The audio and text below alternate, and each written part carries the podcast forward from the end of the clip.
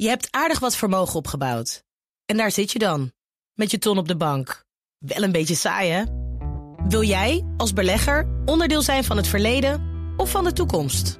Bridgefund is een slimme fintech die een brug slaat tussen de financiële behoeften van ondernemers en van beleggers. Dus wie belegt bij Bridgefund krijgt niet alleen een mooie vaste rente, maar brengt ook ondernemers in beweging. Echt waar, met die ton kan je zoveel betere dingen doen. Bridgefund. Make money smile. Politiek verslaggever Sophie van Leeuwen. Sophie, goedemiddag. Goedemiddag, Donatello. Ja, ja, straks eh, praten we nog even door over de regeringsverklaring van premier Rutte in de Eerste Kamer. Maar eerst dan eventjes de solo-persconferentie. Een primeur van eh, chef corona, de minister Ernst Kuipers. Heb jij al een vraag of vragensetje klaar voor de persconferentie? Ja, ik denk dat we het toch even over die evenementen moeten hebben, Donatello. Want er komen grote versoepelingen aan, vooral op 25 februari. Ja.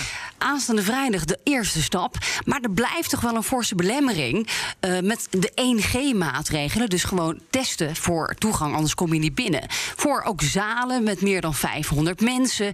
Voor evenementen in een branche die echt zo zwaar getroffen is de afgelopen twee jaar in de pandemie. Ja. Dus mijn vraag aan Kuipers zou toch wel zijn: wat is nou uw onderbouwing?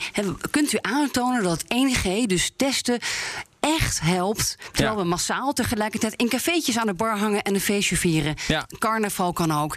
En of is dat nou gewoon een politieke deal? Want ja, je had ook voorstanders van 1G in de Kamer. Nu wordt toch geaccepteerd dat het coronatoegangsbewijs in de ijskast gaat. Niet meer de gereedschapskist, maar de ijskast. Is daar een uitruil geweest? Ik wil dat toch wel even weten. En misschien hebben jullie ook nog vragen voor mij die ik mee kan nemen. Ja, ik heb er nog wel een, eh, Sophie. Ja. Nou, nou, nou, ik bedoel, eh, eh, die ijskast, hè, die, eh, eh, waar, waar ons coronatoegangsbewijs in gaat. Stel nu dat er een nieuwe variant komt. God verhoede, maar stel dat. Die besmettelijker, eh, enger enzovoort is. Krijgen we dat ding dan er snel uit? En twee, wat denkt u over het draagvlak? Ik bedoel, het, ik, ik wil ook van die. Ik wil eigenlijk overal vanaf. Maar ja, als het straks weer een beetje terugkomt. ehm, ik hoorde dat het ECDC zegt dat we nog lang niet van die pandemie zijn verlost. Ja, en dan zou het antwoord zomaar kunnen zijn. Hè? Deze zomer is het allemaal vrijheid, blijheid. We hebben eerder het gehad over dansen met Jansen. Ja, oh ja. Maar misschien krijgen we in de winter dan weer gewoon een coronatoegangsbewijs. Die gaan er dus wel eh, dus deze maand verder af. En dat is Ja. wel goed nieuws, denk ik, voor ook veel bedrijven, ondernemers, voor burgers. En ook met die tweedeling natuurlijk in Nederland. Maar je kunt natuurlijk niet uitsluiten dat we daar nog wel mee opgeschreven zitten. Eh, De ijskast heeft een deurtje en die kan gewoon open als het in het najaar weer nodig is. Zo simpel is Zo het. simpel is het. Hey Sophie, eh, geen 1G buiten. Dus niet bij voetbalwedstrijden en festivals. Maar dus wel binnen bij. Ik noem even een groot festival, zo'n Vrienden van Amstel Live. Hè, waar 16, eh, 15.000 mensen in, eh, in Ahoy tien keer bij elkaar komen. Daar moet dan wel 1G. Maar buiten, buiten niet. Dat is een meevaller. Nou, voor buiten is dat wel inderdaad een meevaller. En ik hoor ook dat daar vanuit de Trojka en ook het ministerie van Economische Zaken is daar heel hard op geduwd om toch iets meer ruimte te geven. En niet iedereen met 1G op te zadelen. Eh, de vraag blijft natuurlijk wel een beetje ook, ook in die sector buiten. Wat doe je dan met zo'n festival? Want je hebt heel veel tenten. Deels is het binnen, deels is het buiten. En ook met grote clubs. Dat zijn toch ook plekken misschien waar je, waarvan Ja. je denkt, s'avonds na een cafébezoek, ik ga spontaan een dansje doen. Een dansje Eh, dat, dat kan dan niet meer, want dan heb je misschien niet van tevoren getest. En dan loop je toch wel ontzettend veel omzet en bezoekers mist in bepaalde sectoren. Eh, ook met deze versoepeling die hier nu ligt. Dus ik wil ook wel echt van Kuipers nogmaals weten: onderbouw dat. Want hier gaan echt veel mensen niet blij van worden. En komt er dan extra steun? Want hij heeft eerder gezegd: ja, corona wordt een ondernemersrisico. Dat kun je natuurlijk eigenlijk niet volhouden als je toch nog een forse beperking oplegt. Voor een deel, hè? Ehm. Een, een deel. Hè? Dus een deel heeft dan geen ondernemersrisico. Maar, maar dan, ben je, hè, dan, dan werk je daar. Dan heb je wel een ondernemersrisico. Dan Dus het is wat oneerlijk. Eigenlijk, zou je eigenlijk een, een uitzondering moeten maken voor de branches waar je dan 1G oplegt. Want die gaan toch een deel van hun bezoekers mislopen. Is, de, is dan de angst. En dat is ook iets wat je, wat je een beetje bij het ministerie van Economische Zaken hoort. Moeten we dan toch nog. Eerder was er een uitzondering met de steunpakketten voor het nachtleven. Weet je nog? Vorig jaar moet je daar dan toch nog eens een keer naar kijken.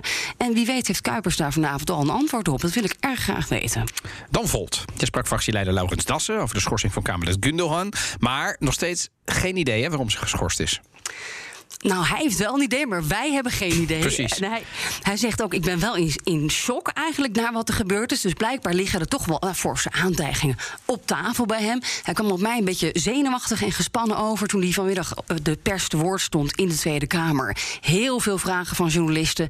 Wat is hier aan de hand? Wees nou gewoon duidelijk. Uh, Gundogan zelf, het Kamerlid, dat wordt beschuldigd van grensoverschrijdend gedrag. Zij noemt op Twitter dit een nachtmerrie. Zij weet ook niet wat er is gebeurd en probeert het ook op tafel te krijgen van uh, kunnen we even praten hierover. Dassen blijft erbij. We schorsen nu eerst uh, de veiligheid van de melders van dit, deze incidenten uh, staat voorop. Dus wij wachten het externe onderzoek af. De afgelopen weken hebben wij enkele meldingen ontvangen die wijzen op grensoverschrijdend gedrag van Nilifer. En dat is voor mij een schok, voor onze kleine fractie en voor de partij. En daarom hebben wij ook meteen een onafhankelijk gespecialiseerd onderzoeksbureau ingeschakeld om met deze meldingen aan de slag te gaan. Deze zondag heb ik samen met de voorzitter van Volt, Nilifer, geïnformeerd dat er meldingen zijn die wijzen op grensoverschrijdend gedrag. We hebben daarbij ook aan Nilifer aangegeven dat op de precieze inhoud van deze meldingen wij niet in kunnen gaan, omdat zij onderdeel is van het onderzoek. We hebben daarbij ook aangegeven dat ze geschorst is als lid van de Volt-fractie gedurende het onderzoek. Dit was een heel moeilijk gesprek en ook natuurlijk zijn de consequenties voor Nilifer groot. Al dus Laurens Dassen van Volt. En Koendehan die schrijft zelf in de reactie... Als mensen mijn stijl van werken onveilig vinden... ik betreur dat zeer en ik wacht het onderzoek af. Wordt vervolgd dus, denk ik, komende week, hoop ik. Jazeker.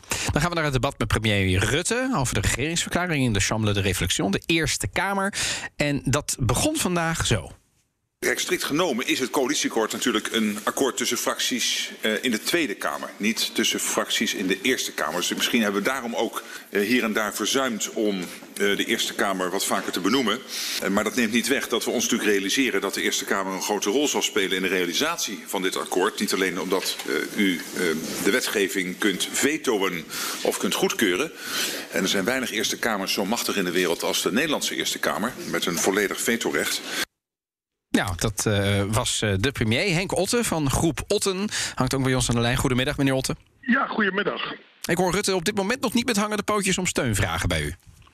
Nee, dat, dat nog niet. Maar we hebben net, we zitten, ik ben even de zaal uitgelopen, want we zijn nog midden in het debat met Rutte. Mm -hmm. uh, maar we hebben net wel uh, duidelijk aangegeven dat uh, ja, vooral de verlaging op, uh, de, in, in, de inkomstenbelastingssfeer en op de inkomsten op arbeid, dat dat al echt een gemiste kans is van dit regeerakkoord. Want ja, de inflatie neemt enorm toe, dat gaat richting 10%. En de prijzen stijgen enorm hard. We hebben exploderende energieprijzen. Ja. Er moet nu echt iets snel iets gebeuren. Ik heb hem toch wel geprobeerd doordringen van dat het toch wel een nodige urgentie is nu. Dat heel veel mensen die krijgen nu de komende maanden met uh, dubbele energielasten te maken. Dus dat, dat, gaat ontzettend hard. Dus die koopkracht die hij voorspiegelde, die is inmiddels al verdampt. Ja, en in hoeverre staat, hè, want het gaat toch over het regeerakkoord Rutte 4. Um, in hoeverre staat dat op losse schroeven als u het debat zo volgt vandaag? Nou, het gaat uh, veel over AOW op dit moment. Maar er, zullen, ja, er komen nog allerlei andere onderwerpen voorbij. Uh, ja, we hebben het gewoon visieloos genoemd. Kijk, er gaat nu 100 miljard bijna naar allerlei klimaatfondsen. Stikstof gaat uh, 25 miljard naartoe. Klimaat gaat uh, 35 miljard naartoe. Maar mensen die kunnen straks gewoon hun rekeningen niet meer betalen. Heel veel, met name lagere middeninkomens, komen, komen zwaar in de knelder. Dus straks hebben we dan wel allemaal een windmolen in de tuin, maar kunnen we, kunnen we de, de kachel niet meer stoken. Dus dat is natuurlijk niet helemaal de, de prioriteit op orde hebben. Dat hebben wij ook uh, gezegd tegen de premier. Van, ja, het motto is omzien naar elkaar, maar ja, we hebben het genoemd visielo visieloos voortmodderen door perspectiefloos leiderschap. dus dat zou een toepasselijk motto zijn in dit geval.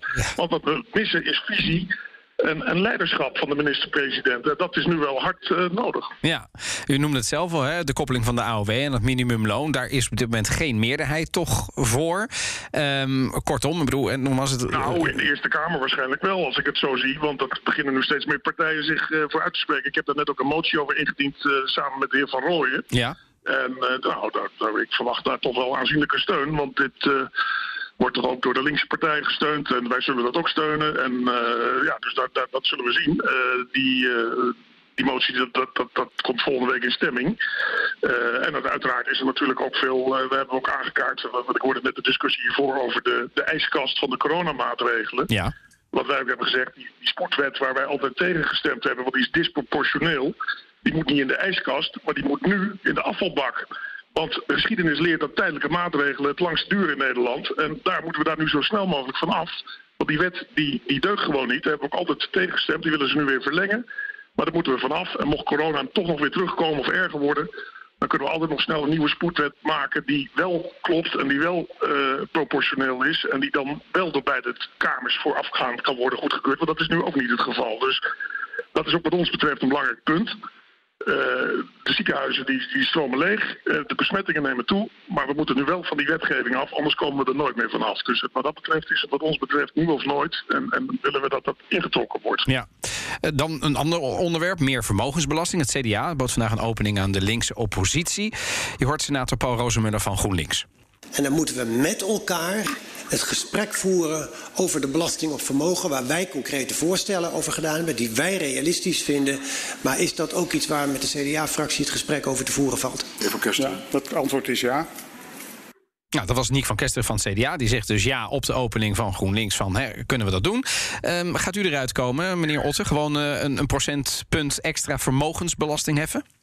Nou, ik sprak Niek Jan hier net vijf minuten geleden nog, uh, Niek Jan van Kester van het CDA. Uh, kijk, dat, uh, hoe ver dat concreet is dat, is, dat moeten we wel aan hem vragen. Kijk, wat, wat ons betreft gaat. Uh, wat er ook gebeurt, moet het eigen huis worden ontzien. Dat is, uh, dat is essentieel, want dat moet niet in die vermogensbelastingssfeer worden getrokken. Mm -hmm. maar ik begrijp dat het vanuit de CDA nogal uh, ja, uh, gevoelig. Niet helemaal, nog niet helemaal uit zijn. Dus uh, ik, ik praat hier ook niet voor het CDA. Dus dat nee, nee, dat, nee, nee, moeten vragen. Nee, laten we dat maar, niet doen, inderdaad. Wat, wat, ons betreft moet vooral de, de, de inkomstenbelasting voor de, voor de middeninkomens en de lagere inkomens nu snel worden aangepast. Bijvoorbeeld door een veel hogere heffingskorting. Waardoor dus ja, een veel hoger 0% tarief. Ja. Waar voor iedereen duidelijk wordt dat, dat, dat je, waar je voor werkt. En hoe het, dat meer werk ook meer loont. Maar vooral ook om die enorm snel stijgende prijzen en energieprijzen te compenseren. Ja.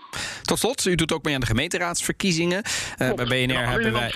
Ja, en bij BNR hebben we even een rondgang gemaakt bij veel partijen over. Gaat u samenwerken met uh, nou, de voormalige vrienden van Forum, met de PVV? Hoe zit dat met u? Nou ja, er is natuurlijk een hele discussie over uitsluiten. Dat kwam ook vandaag nog even langs uh, tijdens de bijdrage van Forum. Maar wij zijn in principe tegen uitsluiten. Uh, dat, uh, dat, daar zijn we principieel tegenstander van. Dus u kunt samenwerken? Nou, kijk, de, de, PVV sluiten we ook zeker niet uit. kijk, het is niet mijn stijl van politiek bedrijven, maar kijk, qua vorm maken we toch een, zien we dat toch anders. In plaats van uitsluiten uh, kun je bij vorm, denk ik, uh, eerder denken aan andere maatregelen. Zoals bijvoorbeeld uh, juridische maatregelen om ze aan te pakken of te verbieden. omdat zij gewoon echt de democratische rechtsorde beginnen te ondermijnen. En ook ja, tegenstanders intimideren. Daar kan ik natuurlijk zelf over meepraten. Maar moet er wel een aangifte dus, lichten, meneer Otte, als je iemand wil verbieden? Een partij? Nou, dat is aan het OM dan om daar werk van te maken. Maar goed, er zijn natuurlijk uitspraken gedaan, ook buiten parlementair, over tribunalen en mensen vervolgen en opsporen en weet ik wat opsluiten. Nou, dat gaat natuurlijk alle perken te buiten. Dus uh, wij zijn niet van het uitsluiten, maar wat betreft Forum uh, zou, denk ik, ligt daar ook een taak voor justitie om daar eens uh, wat, die zaak wat verder onder de loep te nemen. Dank. Henk Otte, Eerste Kamerlid voor de groep Otte en natuurlijk ook onze collega in Den Haag, Sophie van Leeuwen. Tot straks. Je hebt aardig wat vermogen opgebouwd. En daar zit je dan, met je ton op de bank. Wel een beetje saai, hè?